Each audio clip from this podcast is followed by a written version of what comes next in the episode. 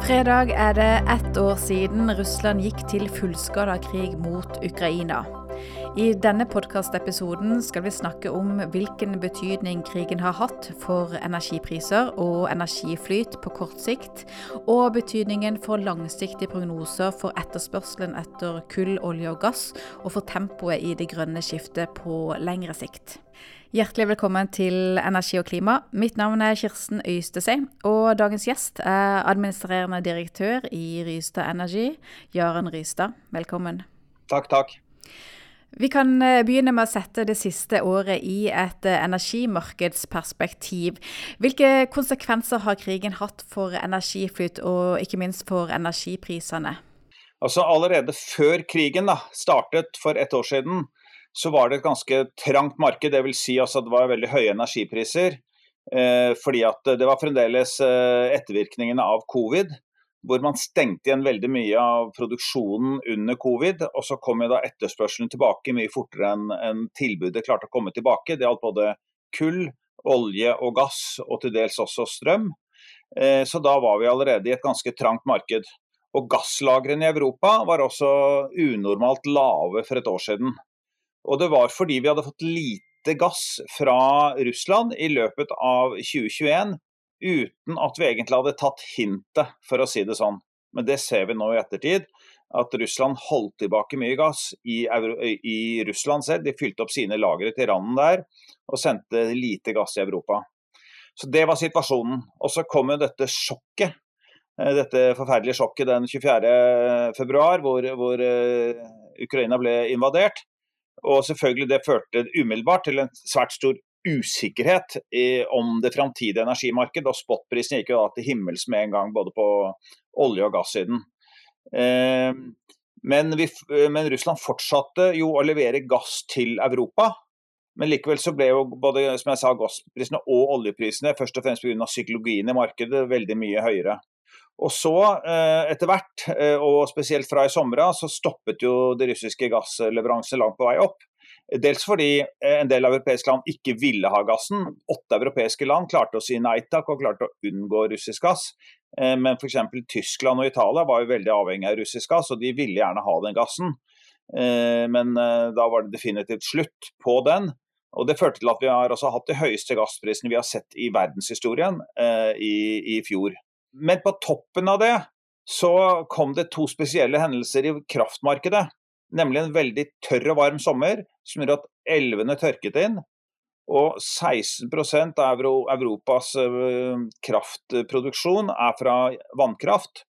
Og den ble vesentlig svekket, ca. 90 TWh mindre.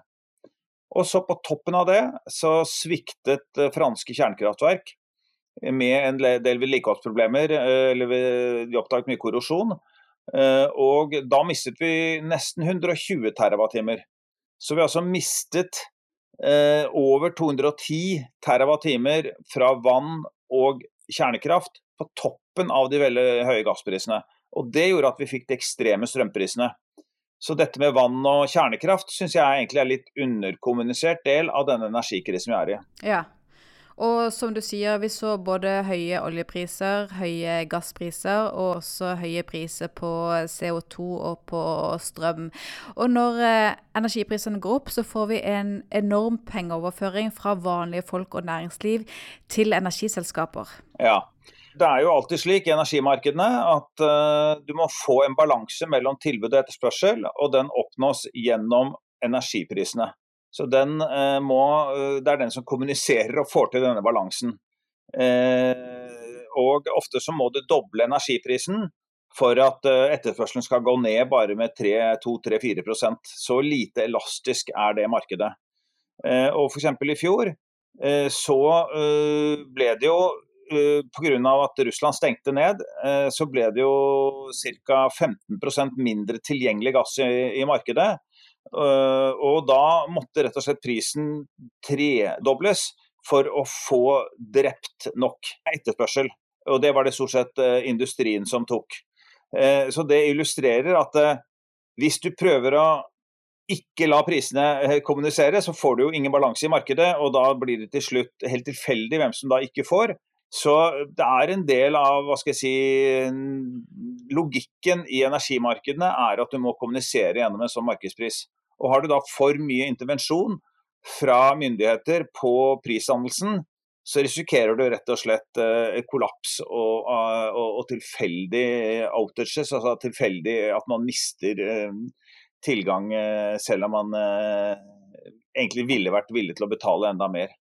Så, men, men, som du sier, det har vært eh, en helt uten like rekordprofitt for både olje- og gasselskaper og strømselskaper i fjor. Mens befolkningen og staten har tatt prisen, eller har tatt og, betalt det det koster. Og industrien har stengt ned 50 store industri, industribedrifter fordi det ikke var lønnsomt. Og det, er, og det er slik markedet må fungere. Hvis det er ulønnsomt å produsere ammoniakk eller stål pga. høye energipriser, så vil det være gale-Mathias å prøve å sponse disse bedriftene. Eh, da må du la markedskreftene virke. Du nevnte at eh, energikrigen begynte før invasjonen. Russland begynte å bruke gass som våpen før 24.2. Og Vesten har svart med sanksjoner som er ment å ramme Russlands eksport og eksportinntekter fra kull, olje og gass. Hvor godt har Vesten lykkes med det, hvis vi ser på hvilken eh, posisjon Russland hadde som leverandør av eh, fossil energi før krigen, og hva situasjonen er i dag? Jeg syns eh, Vesten har gjort det rette. Eh, forsøkt å gjøre så godt de kan for å ramme Russland.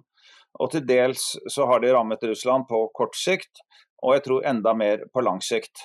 Men samtidig så klarer jo Russland å få disse volumene ut til eh, villige kjøpere utenfor Europa og OECD-landene. Så både Kina og India har jo tatt eh, mange av disse volumene. Det gjelder spesielt oljemarkedet.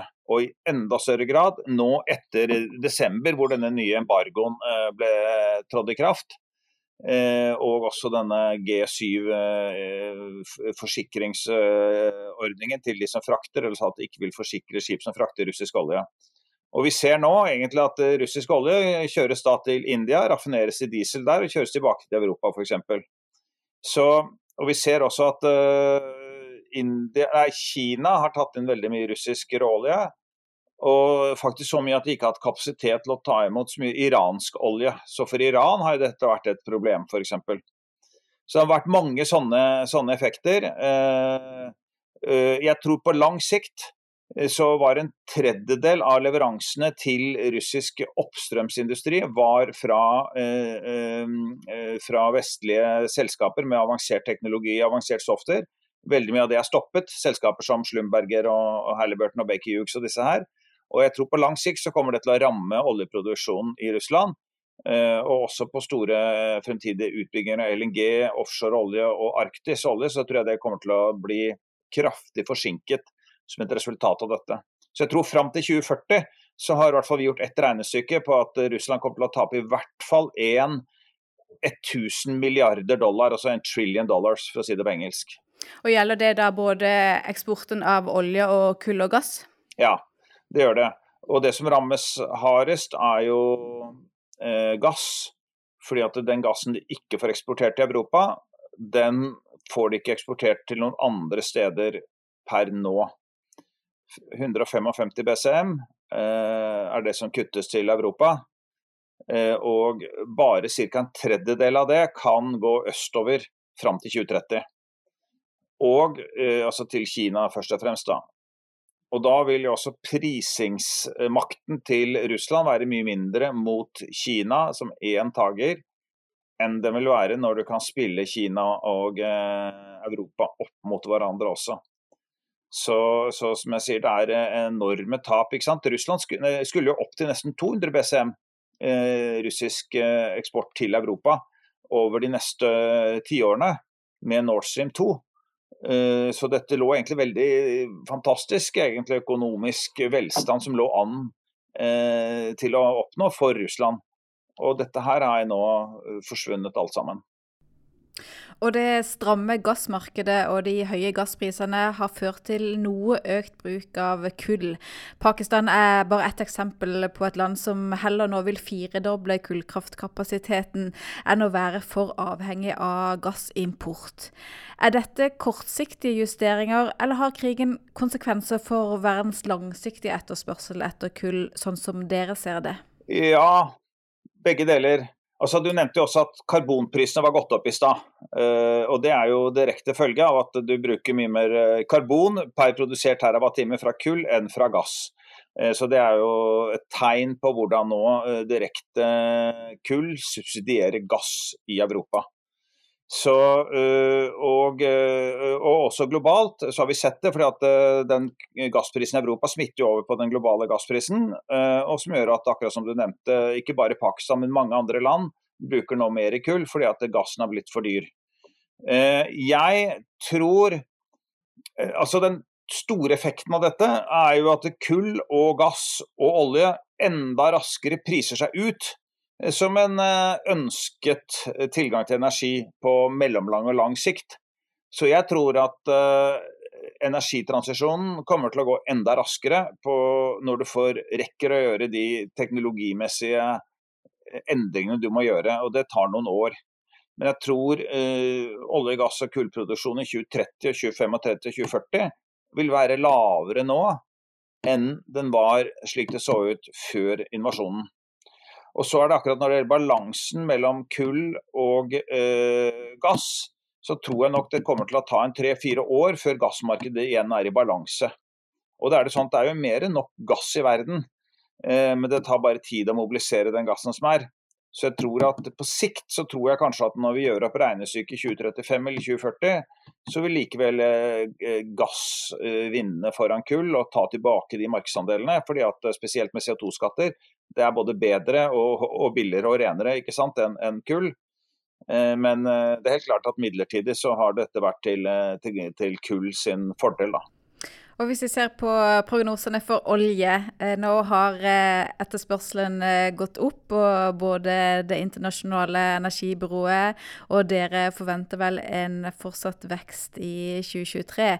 Men hvordan ser det ut for 2024 og 2025 og i femårsperioden mellom 2025 og 2030? Ja, nei, altså Nå er vel etterspørselen omtrent 101 millioner fat om dagen, så det er den høyeste etterspørselen som noen gang har vært. Vi er jo akkurat nå over den toppen vi var på i 2019. Eh, og enda så har ikke flysektoren kommet fullt tilbake, eh, og eller Kina. Eh, og det kommer til å komme tilbake mest sannsynlig til sommeren, begge de sektorene. Så da venter vi en veldig kraftig etterspørselsøkning. Eh, og eh, så vil nok den fortsette også i 2023, nei, 2024 og 2025. Ikke så kraftig, men eh, så begynner de strukturelle endringene å gjøre seg gjeldende. Eh, vi hadde jo nå 16% elbilsalg i fjor globalt, opp fra 2% i 2019. Så øh, det tar ikke lang tid nå før øh, elbil, altså dekarbonisering av transportsektoren, vil gjøre seg såpass gjeldende at øh, det vil gjøre at vi når en peak oil som jeg tror ikke er lenge etter 2025. Ok, Betyr det at eh, dere tror oljetoppen nås i 2025 eller 2026, eller kan det være 2027? Nei, da sier jeg, jeg sier litt upresist, da. Ikke sant? Ikke mange år etter 2025 så vil vi få en, en peak oil, og det er fremdeles selvfølgelig usikkerheter knyttet til eh, hastigheten nå i, eh, i elbilleveransene. Det har vært en del forsinkelser der også. Eh, men eh, det er jo det mest øh, si, sterkeste Det er det som vil dempe etterspørselen. Og tenk på det, i Oslo-områdene, som har verdens høyeste eh, penetrasjon av, av, elbiler, det er, eh, da har nå bensinstasjonssalget gått ned med mellom 8 og 10% hvert år i fire år på de bensinstasjonene i Oslo-området. Så Det sier noe om hvor fort nedgangen kommer til å gå når det først begynner å, å, bli flertall av eh, elbiler. Og Det kommer til å være den globale situasjonen på 2030-tallet. Mm. Men det som du eh, nevnte som drar opp etterspørselen nå i 2023 og 2024, det er jo bl.a. Eh, flytrafikken. Og det er vel en risiko for at økt velstand vil være med å dra det videre, og også en god del økt flytrafikk siste del av 2020-tallet. Hva er det som gjør at det, det er motvekter som gjør at det ikke tar opp oljeforbruket enda mer? Nei, eh, altså flytrafikk er jo omtrent 7 eh, av oljeforbruket. Eh, mens eh, bil eh, og all veitransport da, som blir elektrifisert, er eh, noen og 50% Så likevel så kan fly fortsette å øke en stund fremover, selv om men, men likevel kan totaletterspørselen gå ned. Det andre som også kommer til å vokse, er jo plastikkproduksjon. Og, vi ser godt at plastikk vil kunne doble seg fram til 2050 eh, eh, globalt.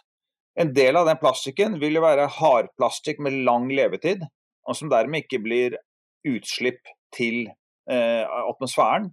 Det blir på en måte en, en, en binding av den plasten, kanskje i større og større grad. Så det trenger ikke å være et så stort klimaproblem, da, for å si det sånn. Eh, men, eh, men altså det viktigste er sånn, transportsektoren på vei, altså summen av lastebiler, busser og vanlige biler da, er, er, det som kommer til å dra oljeforbruket ned, og etter hvert ganske brått nedover. Og så to ord om gass. For eh, gassprognosene, der er det litt større utfallsrom enn kullprognosene hvis en sammenligner ulike analyser. Litt mer usikkerhet i forhold til gassens rolle som en overgangsteknologi. Ja. Nei, jeg tror gassen vil være akkurat det, en overgangsteknologi. Jeg tror på lang sikt så vil ikke heller gassen kunne konkurrere mot uh, fornybar hydrogen og disse, disse andre kildene. Uh, men uh, nå er det dess mer gass man får inn i markedet nå, inn i kraftmarkedet, dess mindre kull bruker man. Så det er faktisk en direkte og den største CO2-reduksjonsgevinsten man kan få, det er å presse mest mulig gass inn i strømmarkedene nå på kort sikt. Samtidig som man gjør den store strukturelle endringen ved å få så mye fornybar altså Det er det som bestemmer hastigheten på det grønne skiftet, hvor raskt man klarer å bygge ut fornybar. ikke sant? Eh, og Det vil automatisk utkonkurrere eh, fossilt. Så det er det, det er det, viktigste. Men av det som er igjen av fossil etterspørsel, så er det om å gjøre å få mest mulig at det er, at det er gass. da. Og så eh, vil en del steder gass ha, kunne ha en funksjon som sesongbackup eh, for fornybar. Eh, det er viktig å beholde egentlig alle gasskraftverkene, men de kommer til å bli mindre og mindre brukt.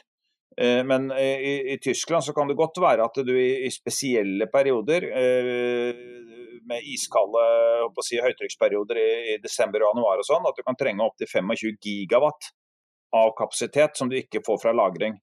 Og Da kan de gasskraftverkene være den beredskapen som gjør at du faktisk kan tørre å satse på fornybar så friskt. Eh, Eh, da, men det vil jo bli veldig lite gassvolumer over året. Kanskje disse bare brukes 15 dager. Så, eh, så, Derfor så tror jeg at eh, gassforbruket kan gå ganske dramatisk ned også på 2030-tallet, eh, gitt at man får en høy eh, utbygging av fornybar. Eh, og Spesielt det som nå er veldig insentivert da, i både USA og allerede i EU, og som også Kina har et veldig driv på. Og så ligger en del av resten av verden en del etter på en del dimensjoner her. Men, men så, så, ja, en mulig litt senere gasstopp.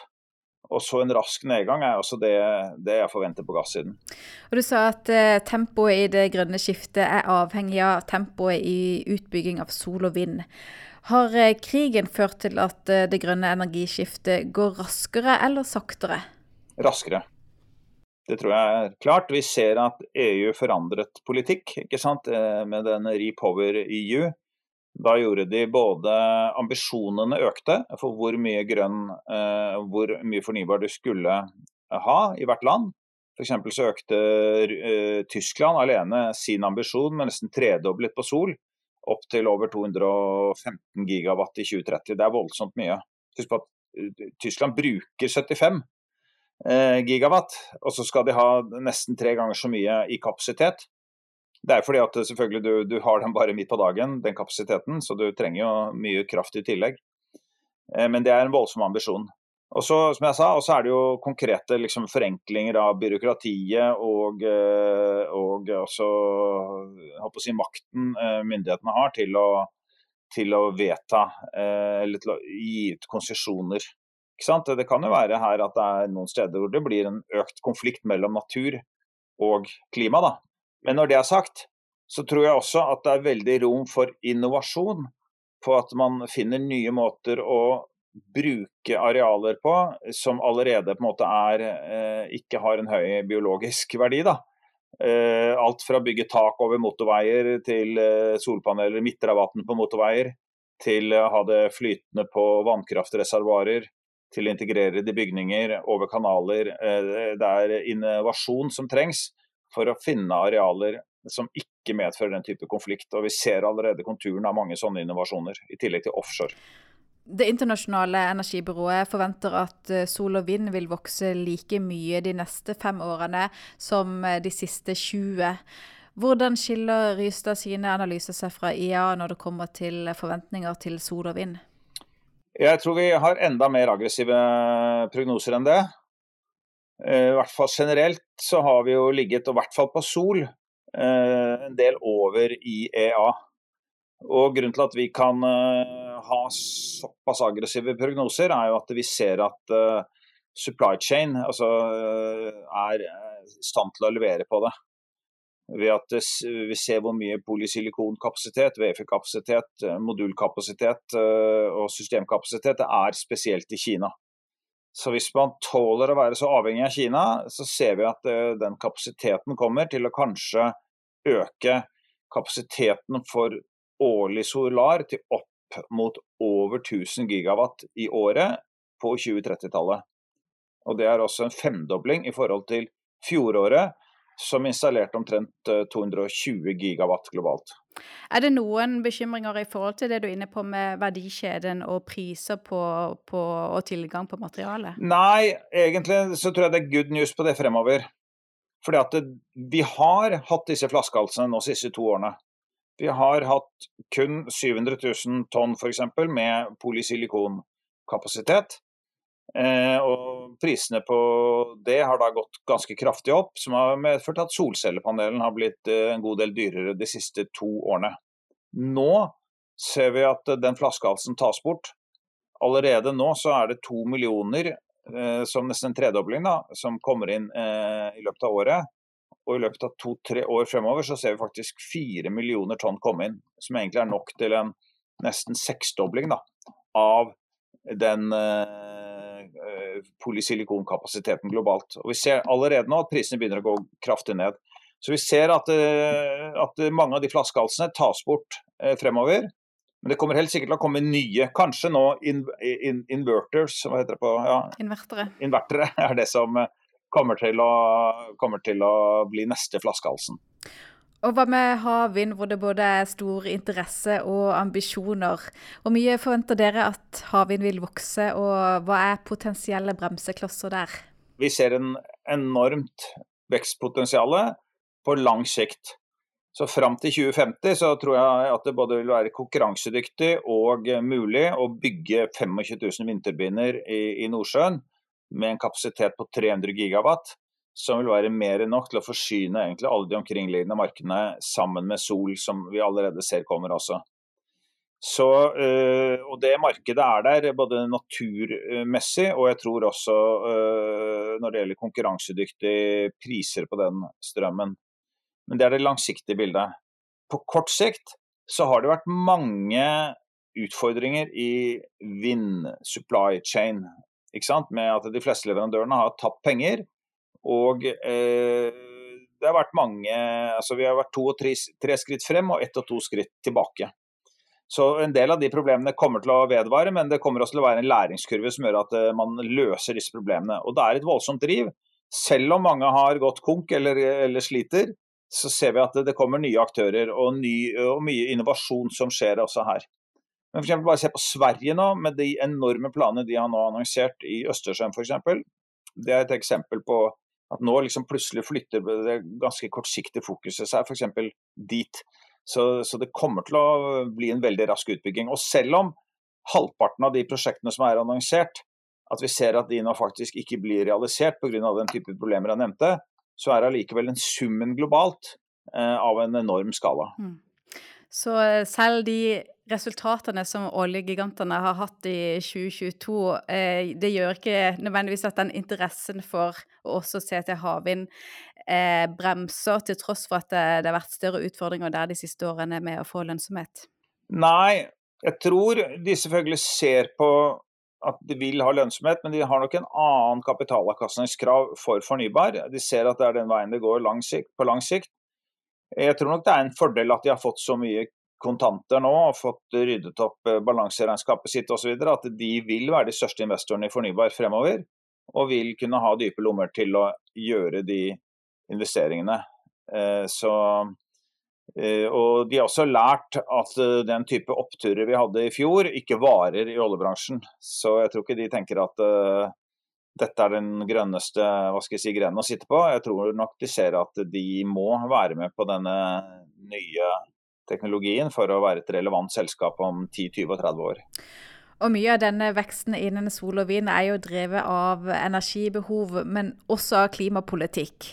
Og med Parisavtalen så er verdens land enige om å begrense den globale oppvarmingen til godt under to grader, helst ned mot 1,5. Men i 2022 så nådde utslippene et uh, nytt rekordnivå, og forskere fra prosjektet 4C indikerer allerede nå at utslippene også i 2023 kan bli en ny rekord.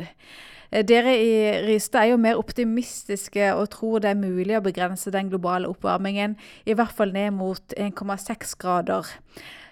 Hvor er det dere skiller dere fra de mindre optimistiske analyseselskapene?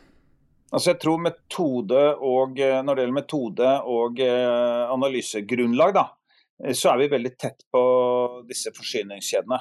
Så vi ser at det faktisk, f.eks. det jeg nevnte i stad med Sol, at det er en kapasitet som er i ferd med å bygge seg opp. Og at det ikke er urealistisk å tro på 1000 gigawatt årlig installasjon i 2030. Fordi at vi ser allerede at den kapasiteten nå begynner å komme på plass. Eh, vi gjør også mange konsulentprosjekter, eh, som er selvfølgelig eh, konfidensielle prosjekter som peker fem og ti år frem i tid. Hvor vi ser også en voldsom investering og interesse og teknologimodning, både innenfor eh, lagringsteknologier eh, og hydrogen og CCUS. Og vi ser at CCUS, etter å ha gått veldig sakte i 20 år, så akselererer det nå voldsomt. Og Da kan vi legge inn prognoser eksempel, på opptil 600 millioner tonn fanget innen 20, begynnelsen av 2030-tallet f.eks. Og Det ser vi at vi kan navngi prosjekter og sannsynliggjøre det. Så jeg tror rett og slett at vi har et prosjekttilfang som vi kan analysere, som gjør at vi har et større grunnlag kanskje enn de som ikke er så tett på eh, alle disse prosjektene og alle disse forsyningskjedene. Så, og, men det stemmer også godt med mine og våre si, historiske analyser av eh, liksom hvordan disruptive teknologier vokser. Det går veldig sent i starten, men når du kommer opp på et nivå eh, omtrent på 10 av, av et globalt eh, marked, så går skiftet veldig fort når en teknologi har blitt bedre og billigere. Så med en del sånne analogibetraktninger, så kan vi anta at rett og slett gravitasjonskreftene virker når en teknologi er bedre og billigere. Og Der begynner vi å komme for mange av disse grønne teknologiene nå. Det er ikke, ikke sant? Jeg er ikke avhengig av subsidier og policies, det er rett og slett den beste og billigste teknologien folk kan bruke for det formålet de ønsker å oppnå med teknologien. Så når vi legger alt dette sammen, så ser vi at uh, det er mulig å se at vi klarer å få til 650 gigatonn i totale utslipp. Altså ned mot det, fram til uh, netto null. Som vi i akkurat det scenarioet har rundt 2055, som er litt senere da enn til 2050.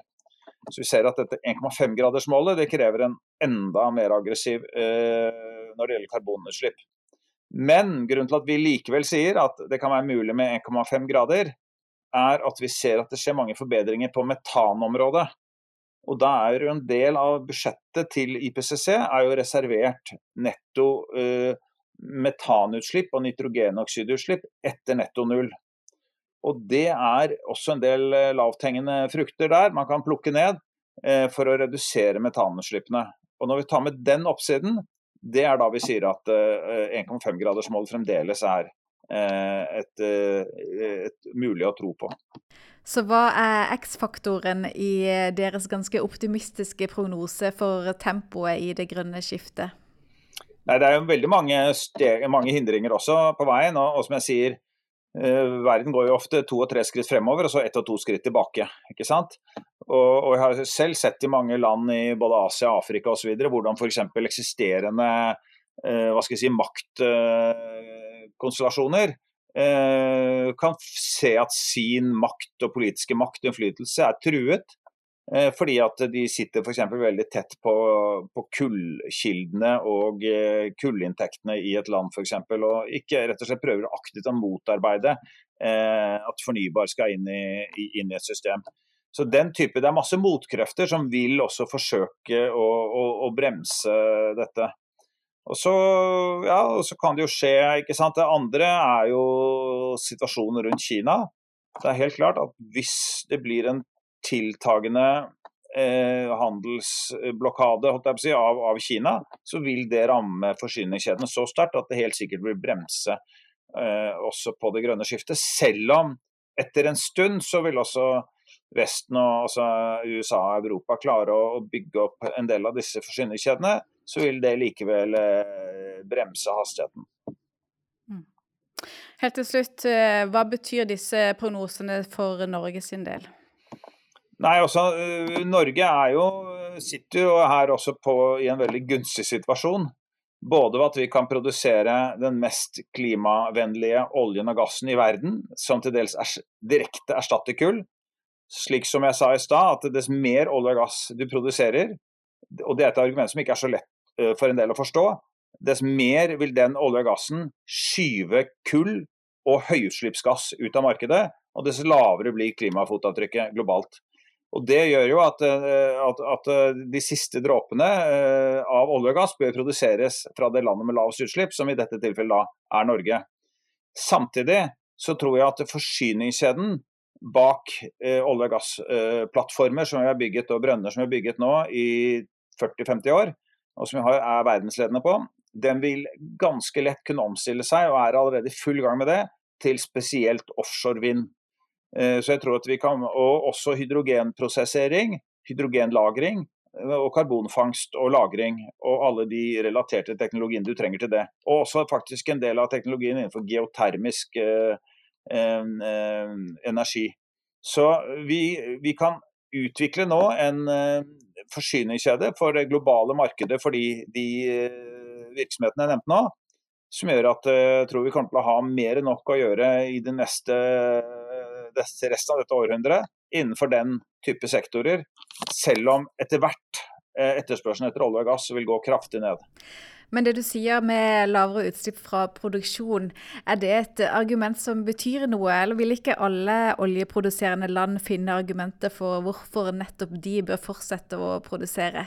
Jo, og det er det som er viktig å forstå. at det, Måten å få bli uh, altså få ned olje- og gass uh, på i verden, det er å begrense forbruket.